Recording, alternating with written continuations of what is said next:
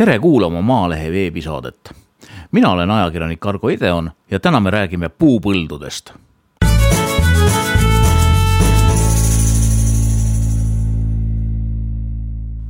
saatejuhiga on siin täna Hiiumaa Metsaseltsi juhatuse esinaine Aira Toss, tervist. tere. ja Tartu Ülikooli säästliku metsanduse teadur Raul Rosenvald on meiega ühenduses üle sidevahendite Emajõe linnast. tere ka puupõllud on veidi selline mütoloogiline teema, millest Eesti metsandusega seoses räägitakse juba päris mitu aastat. kusagil levib arvamus, et Eesti metsades ongi need puupõllud või et vähemalt uued metsaistutamised tähendavad seda, et puud külvatakse põllule. kuidas see kõik tegelikult välja näeb ja mis on puupõld, sellest hakkamegi kohe rääkima. kuna Aira on meil siin stuudios, küsime teilt kõigepealt, kas teie olete kunagi näinud puupõldu? Ja mina olen näinud puupõlde, ma olen näinud neid Eestist väljas ja ma olen näinud neid ka Eestimaal. Eestimaal, kui me taasiseseisvusime ja põllumaade hinnad läksid väga alla, siis äh, rajati Eestimaale päris hoolega, ma arvu tõesti peast ei tea, hübriidhaavikute puupõlde. ja peamiselt jah, äh, rajati neid Kagu-Eestisse, aga, aga ka mujale et seal ma olen neid näinud. Ja siis oli, tõenäoliselt oli see aasta tuhat üheksasada üheksakümmend kaheksa või oli üheksakümmend üheksa, kui igale poole Eestisse rajati ühe rootslaste projektiga igasse Eesti maakonda üks hektar lehtpuu metsa põllule, just selleks, et propageerida lehtpuu kasvatamist, nii et et äh, ma olen puupõlde näinud küll. aga pöördume nüüd äh, Tartu Ülikooli teadlase poole ja küsime, et mis on siis tegelikult puupõld? no puupõld, äh, kui me nüüd vaatame seda ametlikku statistikat või, või seda asja, mida mm, ka näiteks statistilise metsainventuuri käigus mõõdetakse, siis päris siin ametlik mõiste, see, millest ka Aerodos rääkis, on istandused mida on Eestis siis äh, tõesti imevähe, null koma kolm protsenti, kuus tuhat hektarit, äh, millest siis osa on need äh, hübriidavapuistud, mida on minu teada kuskil tuhat viissada hektarit praegu Eestis, et ma ei teagi, mis need ülejäänud on.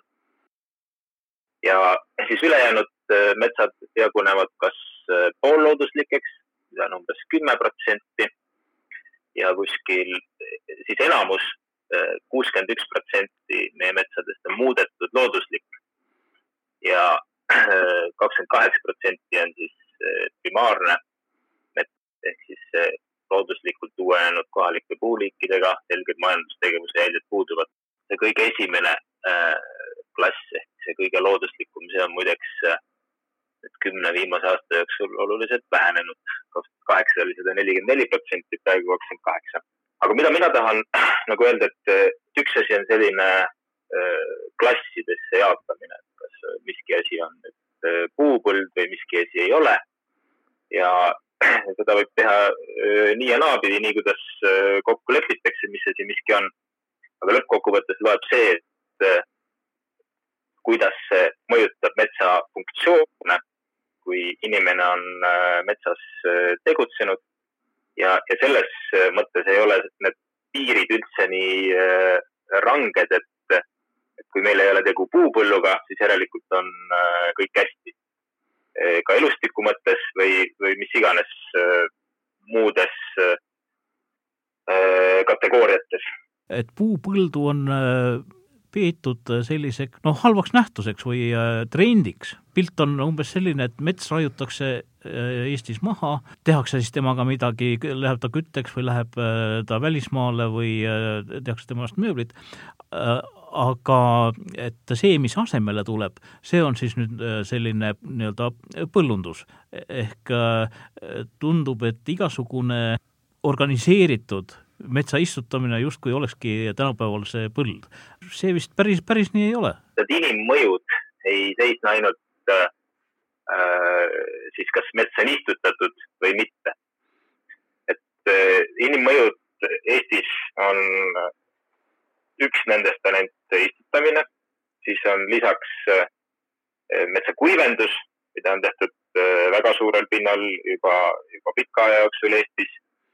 ja lisaks on siis kogu siis see raietemaatika, kõiksugu erinevad raied, mida tehakse, kaasa arvatud hooldusraied ja, ja eeskätt siis valgustusraie, mis muudavad metsa kas siis vähem looduslikuks või siis noh, selliseks, nagu inimene soovib. ja kolmas selline laiem valdkond on ka metsade vanuseline jaotus, mida, mida inimene mõjutab. ja kui kõik need äh, asjad arvesse võtta, siis äh, see komplekt, mis nende tagajärjel kujuneb, ehk siis need metsad, mis meil praegu on, mida ei saa nimetada puupõldudeks, aga mis väga palju erinevad sellest, missugune oleks äh, looduslik mets ja ilmselgelt paljude metsaliikide jaoks on see, nad ei saa sellises koosluses enam hakkama. Ja noh, säästva metsanduse, mida me Eestis siis järgime, siin peaks, selle põhimõte ongi püüda leida siis selliseid, sellist tasakaalu, et võime samal ajal majandatud metsades saada puitu ja seda kasutada paljudeks väärtuslikeks otstarbeteks, aga samal ajal metsaelustik jääks ellu, vähemasti. See on see miinimumeesmärk, aga seal suurem eesmärk võiks olla, et kõikide meil kohalike liikide populatsioonid võiksid olla soodsas seisundis. Need on sellised suured eesmärgid. Aira, kas puupõld on siis selline halb asi, nagu see pilt on kuidagi meie ühiskonnateadvuses kujunenud või on see lihtsalt mingisugune silt, mida tänapäeval ju lihtsalt pannakse kleebitakse asjade külge ja nii saab ka igasuguse metsa istutamise kohta öelda, et nüüd tehakse puupõldu. Siltidega on niimoodi, et äh, inimesed, kes äh, loobivad silte valdkondades, milles nad ise ei ole pädevad, on äh,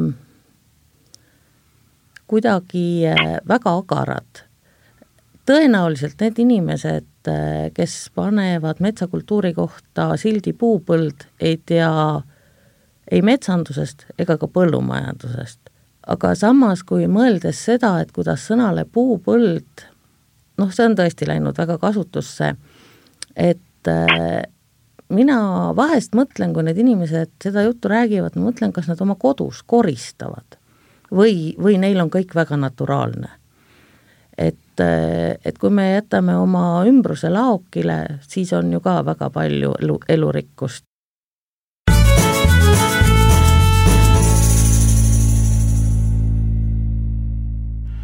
Te kuulate Maalehe veebisaadet. mina olen ajakirjanik Argo Ideon ja täna on meie teema puupõllud. Hiiumaa Metsaseltsi esinaine Aira Toss leiab, et see diskussioon mis meil käib ümber metsanduse, on läinud väga kummaliseks. Äh, räägitakse hästi suvaliselt ja kõikvõimalikke nagu reegleid äh, arvestamata. Loomulikult on äh, väga oluline, et meil säiliks liigiline mitmekesisus, aga me peaksime mõtlema, et kus kohas see siis on, et kas siis ongi, et Eestimaast pool on metsamaa, et seal on see liigiline mitmekesisus, seal me ei tee mitte midagi. Ja siis samas on see, et äh, igal pool mujal on meil siis tehiskeskkond, et aga, aga vaat metsas on niimoodi, et et me metsas ei taha midagi teha, me toome kõik puidu, hea kui puidu, aga noh, veel üldjuhul plastmassi mujalt sisse ja, ja see meid ei häiri et tegelikult on, elu on üldse kompromisside kunst ja kui see hakkab sildistamisega, siis ei, ei tule lahendusi. Okaspuude kasvatamine on keeruline tegevus. Need, kes on metsandust õppinud, teavad, miks seda metsakultuure tuleb teha. sellepärast, et meie eesmärk on saada okaspuud ei taha keegi elada sellises majas, mille katusetalad on tehtud puidust, kus oksa kohta ajab teist taga või hoopis äh, hallist lepast. asi ongi, et inimkond nagu peaks iseendale silma vaatama ja tõsiselt mõtlema, et, et üks asi on see, mida me räägime, teine asi on see, kuidas me käitume, mida me siis vajame, mida me siis tarbime. sõna põld on, on tegelikult, äh, inimkond on oma elu sellest ajast saati, kui me sealt Koopast ainult jahipidamise ja korilusega lõpetasime ja, ja põldu hakkasime harima põlluharimine on väga pikki aegu toimunud, metsakasvatus on paar sajandit vaja, vana siin Eestimaal ka, see kõik on ikkagi vajaduse pärast. ja nüüd see sildistamine, et kui ta on läinud selliseks, et kohati on see sildistamine niisugune, et et öeldakse, et midagi ei ole vaja teha, see on nagu vene muinasjutu. Te ütlesite, et okaspuud on keeruline kasvatada ja tõepoolest nii palju, kui on võimalik näiteks internetist lugeda, siis äh, tüüpiline selline no ütleme, korraldatud puu kasvatamine toimub ju kusagil lõunamaadel ja kasvatatakse eukalüpte, millest siis saadakse no väga erinevaid saadusi ja tuleb välja, et äh, selle nii-öelda tööstusliku kasvatamisega, siis eukalüpte on maailmas juba hästi palju, juba jõuab kunagi äh, samasse suurusjärku, kui äh, palju kasvab mände, eks ole. nüüd ma panin tähele, et äh, kui te rääkisite, et olete ka Eestis näinud puupõllu kasvatamist, siis te just mainisite lehtpuid tegelikult. nii et mulle tundub, et see reaalne nii-öelda põllundus puude osas, siis käibki lehtpuude kohta rohkem, aga mitte niivõrd okaspuude kohta. täpsustan, et see oli üheksakümnendate aastate metsandus on väga sügavalt seotud ajalooga. et, äh, et see, kas maad kasutatakse põlluna või metsamaana, see sõltub hästi palju sellest, milline aeg parajasti on. kui äh, toimus teine, teise maailmasõja järgne sundkollektiviseerimine ja ja eestlaste nendelt maadelt äraviimine et siis rajati ka vägagi palju okaspuukultuure. et kes on lugenud äh, Uku Aru raamatut, et äh, Uku Arust on, paljud on näinud filmi, see on selle raamatu esimesest osast, aga, aga mina nagu soovitaksin inimestel lugeda selle Uku Aru teist osa ka, see on just see viiekümnendate aastate sundkollektiviseerimine. seal on üks äh, lõik sellest, kuidas metskond pidi täitma plaani ja nad istutasid kuusepuid ühe talu põllumaale ja kuidas siis selle talu endine vanaperenaine käis neid sealt äh, välja võtmas, sest tema jaoks oli see arusaamatu, kuidas, äh, kuidas nii hea põllumaa peale siis kuuske istutatakse. aga puude kasvukiirus on jah, et, et lehtpuud on lihtsalt kiiremad ja need, mis on need hübriidhaava istandused, et need on äh, mina olen ka neid näinud läbi metsakonsulentide koolituse, kui meil on siis neid seal selgitatud ja, ja tegelikult on see väga huvitav. Raul Rosenvald Tartust.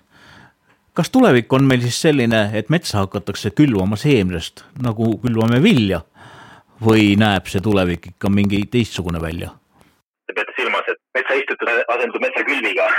ei, ma arvan, et seda ei juhtu. ma arvan, et metsa äh, istutamisel on kindlasti üks osa meie metsanduses ja see ei ole miski asi, mida peab kindlasti häbiväärseks pidama. küll aga tahaksin ma nagu rõhutada, et säästva metsanduse puhul peab metsandus olema ikkagi mitmekesine. Läheme siinkohal väikesele pausile ja tuleme tagasi mõne hetke pärast. põlisest metsast saavad meie mõtted mõjujõu puhastest allikaist tuleb sõnumite selgus. kõigest, mis kasvab, õitseb ja maitseb, leiab kosutust meie meel ja keel. nii sünnivad lood inimestest, kelle elu on Eestis ning juured sügavalt maas. räägime väärtustest, mis loevad. Maaleht ja Maalehe veebisaates jätkame juttu Tartu Ülikooli säästva metsanduse teaduri Raul Rosenvaldiga, kes leiab, et meie metsades toimuv on liiga üheülbaline. kui äh, siis sajandivahetusel oli üks äh, konverents Ameerikas kahekümne esimese sajandi metsandus ja siis seal sõnastati lõpus teesid, millest üks oli see, et siis õppetunnid kahekümnenda sajandi metsanduses, millest kõige põhilisem oli siis see, et ühesugused majandamisviisid suurtel pindadel ei toimi. see on see, mida siis äh, kahekümnenda sajandi möödalaskmistest äh, peaksime nüüd õppima. paraku see, mida ma Eestimaal näen, on, et me aina rohkem liigume sinna ühesuguse äh, metsanduse suunas. et hakkab, aina rohkem hakkab domineerima lageraie, metsaistutus ja, ja siis sellele järgnevad harvendusraied ja küsimus ei ole selles, et need lageraie ja, ja arvendusraied kõik oleksid pahad, vaid küsimus on, mis osa nad võtavad kogu äh, komplektist. samal ajal peaksid osad metsad majandusmetsades olema ka sellised, kus tehakse turberaiet, kus seda on võimalik ja ka sellised, kus tehakse valikraiet ja ka nende mõlemaga äh, saab uuendada ka okaspuupuistusid. see on praegu see probleem ja kusjuures äh, erametsaomanikud need isegi teevad. Riigimetsas on see äh, seis nagu üheülbalisuse mõttes äh, hullemgi. et see on nüüd üks äh, selline murekoht. ja see peaks olema asi, mida nagu ka riigi poolt võiks suunata. et riigi poolt võiks olla näha suurt pilti ja riigimetsas on seda eriti lihtne teha. et, et need erinevad raieviisid oleksid tasakaalus ja noh, minule muidugi, kes ma olen siis äh, metsaloodusega tegelenud, on äh, noh, see looduslike häiringute jäljendamise printsiip on üks selline, mille eesmärk on see, et, kuna looduses toimuvad niikuinii häiringud, siis kui inimene äh, püüab oma majandamisega jäljendada neid, siis see mõju elustikule võiks olla väiksem. noh, muidugi ta on suurem, aga, aga väiksem kui, kui üldse seda ei arvestaks aga kui nüüd istanduste juurde tulla, siis et mina arvan küll, et need istandused või, või need päris puupõllud, et need võivad sobida ka siia komplekti. FSC sertifikaat, mida antakse siis säästva metsanduse rakendamise puhul, teatud nõuetele vastamise puhul, lubab teatud ulatuses istandikke rajada, see on siis kuni viis protsenti sellest maaomaniku pinnast, mille mõte on selles, et, et, et kui seal siis see puidutulu on äh, maksimaalne, mis olla võimalik, et siis selle võrra saab jällegi teistes metsades äh, teha vähema intensiivsusega äh, majandamist. et see on üks osa komplektist, aga oluline on, et, et ei tohi mõelda, et, et me igal pool teeme seda, mis on maksimaalne tulu. see on see on see, mille kohta teadlased hoiatavad,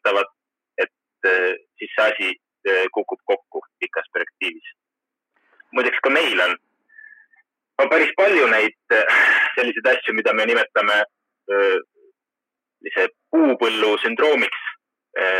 üraskite masspaljunemine, juurepessu levik, need, need on ka need, mis iseloomustavad siis seda puupõllundust. isegi nendes metsades, mida me otseselt ei saa nimetada puupõlluks aga see näitab, et me oleme sinnapoole liikunud. ehk äh, kui tuleb äh, puud sööma kahjur, äh, siis see läheb selle nii-öelda negatiivse puupõllunduse teema, teema alla isegi siis, kui tegelikult puupõldu ei ole. küsimus ei ole, et, et kas kahjur tuleb, vaid küsimus on, et mis ulatuses need kahjustused on. et Eestis ei oleks looduslikult puhtkuusikuid ja Eestis ei ole loodus, ei oleks looduslikult sellist asja, nagu on äh, nendes puhtkuusikutes või, või ka kuuse enamusega äh, puistutes, kus tehakse harvendusraiet, mille tagajärjel siis äh, juuremädanikud äh, saavad hakata seal äh, levima sellise intensiivsusega, mida looduslikult äh, ei oleks neil võimalik. see on inim-, see on inimese mõju tagajärg just masspaljunemisel. looduses oleksid need mõlemad asjad olemas, aga nad oleksid väga marginaalsed.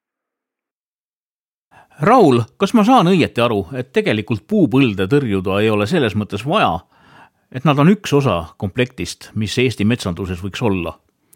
Aga nad ei saa kunagi hõlmama sada protsenti meie metsaaladest. jah, see, see võib olla üks osa komplektist, aga muidugi ega me ei ole siin ära defineerinud, et mis see puupõld on, et kas, kas me räägime ka siin saates puupõllu mõistes ainult neid, mis on siis äh, põllumaale istutatud, äh, mis iganes, äh, kas võõrliigid või, või kohalikud liigid, kus ei ole nagu mingit, noh, mida majandatakse nagu päris põllumajanduse kriteeriumitega. Hiiumaa Metsaseltsi esinaine Aira Toss jaa, ma olen Rauliga selles suhtes täiesti nõus, et äh, need kahekümnenda sajandi õppetunnid, mis on olnud, ei ole, ei ole üldse kõike väga targasti tehtud, aga loomulikult on seda tehtud tolleaegsete paremate teadmiste järgi. kõik, mis läheb liiale, seesama, et äh, maksimumini ainult ühte puuliiki ja niimoodi, et et kuidas see on, et inimene plaanib ja loodus on see, mis, mis tegelikult tuleb, õpetab, et need äh, haigused äh, looduses, inimestel on samamoodi, kui me oleme suures karjas koos, siis äh, haigus levib kiiremini. Nüüd, kui kevadel olime, pidime e-, eralduma ja, ja siis haigused ei levi. Et kui me mingeid eesmärke seame, siis me peame jälle ikkagi vaatama kõiki neid kolmest äh, säästva arengu teljest, et öeldakse ju, et kui tahad et kvaliteetset ja odavat, siis tuleb osta kaks, üks see kvaliteetne ja teine see odav. et äh, uuendusraiena lageraie on, ta on tõesti äh, ta on tegelikult kõige lihtsam teha, sellepärast et ähm, ja ka majanduslikult soodsam ja need teised äh, turberaie ja valikraie viisid, et äh, need on palju keerulisemad. Äh, miks uuendusraiet no lageraiet palju kasutatakse, on ka väga lihtne asi, on see, et tegelikult meil ei ole ju täna enam neid inimesi, kes läheks aega seda valikraiet tegema Äh, neid on minimaalselt, inimesed ei tee tänapäeval enam niisugust äh, rasket tööd.